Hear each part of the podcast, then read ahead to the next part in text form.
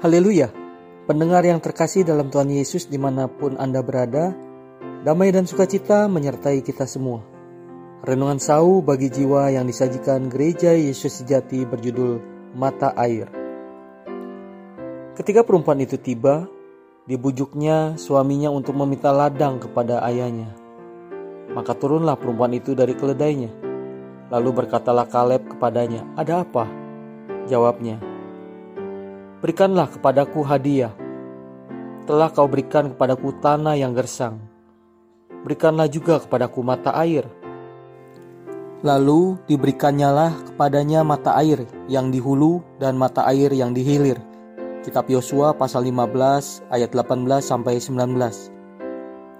Sewaktu Kaleb memberikan Aksa putrinya menjadi istri Otnil, maka Aksa meminta kepada ayahnya itu sebidang tanah dan juga mata air untuk mengairi tanah yang gersang itu. Kaleb mendengarkan permintaan anaknya ini, lalu memberikan kepadanya mata air yang di hulu dan mata air yang di hilir. Tanah yang diperoleh Aksa merupakan tanah di selatan yang gersang karena teriknya matahari. Namun bersyukur ayahnya memberikan dia juga mata air di hulu dan di hilir, sehingga dapat menyirami tanahnya yang gersang menjadi ladang yang subur dan sejuk. Hari ini, ketika kita berada dalam situasi yang sangat berat, laksana berada di tanah gersang yang terkena panas terik dan tandus, kita pun mau memohon kepada Allah, Bapa kita yang Maha Pengasih, agar mengaruniakan kepada kita mata air yang dapat menyiram dan menyejukkan hati kita. Walau berada dalam kesukaran, kita tetap dapat bersuka cita di dalam Tuhan. Ketika Daud dan orang-orangnya kembali ke Ziklag, mereka mendapati kota itu sudah dibakar habis oleh orang Amalek. Istri serta anak-anak mereka ditawan oleh orang Amalek. Mengalami situasi seperti itu, Daud dan orang-orangnya pun menangis dengan nyaring. Ketika orang-orang menjadi marah kepada Daud dan hendak melempari dia dengan batu, Daud menguatkan kepercayaannya kepada Tuhan Allahnya.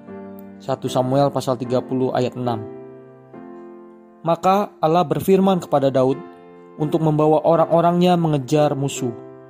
Dan akhirnya mereka pun bisa membebaskan semua tawanan, istri serta anak-anak mereka. Kita pun mau seperti Daud yang mengerti untuk bersandar kepada Allah ketika menghadapi situasi yang sulit.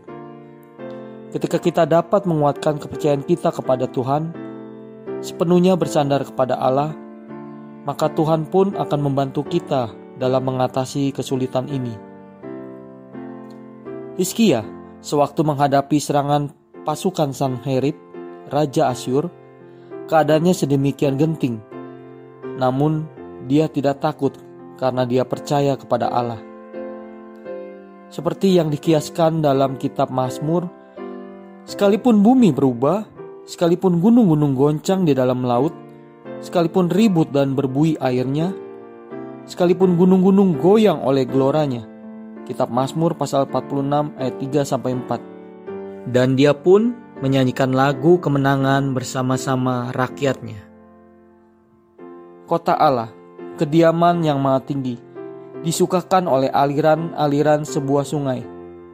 Allah ada di dalamnya. Kota itu tidak akan goncang, Allah akan menolongnya menjelang pagi. Kitab Mazmur pasal 46 ayat 5 sampai 6. Sebagai umat Kristen, kita tetap berpengharapan walaupun berada dalam penganiayaan. Tetap bersuka cita walaupun berada di dalam kesusahan. Tetap memiliki damai sejahtera walaupun berada dalam penderitaan. Tetap mendapatkan penghiburan walaupun sedang susah hati karena Allah memberikan mata air sukacita kepada kita. Seperti kata Daud, dan orang-orang menyanyi-nyanyi sambil menari beramai-ramai.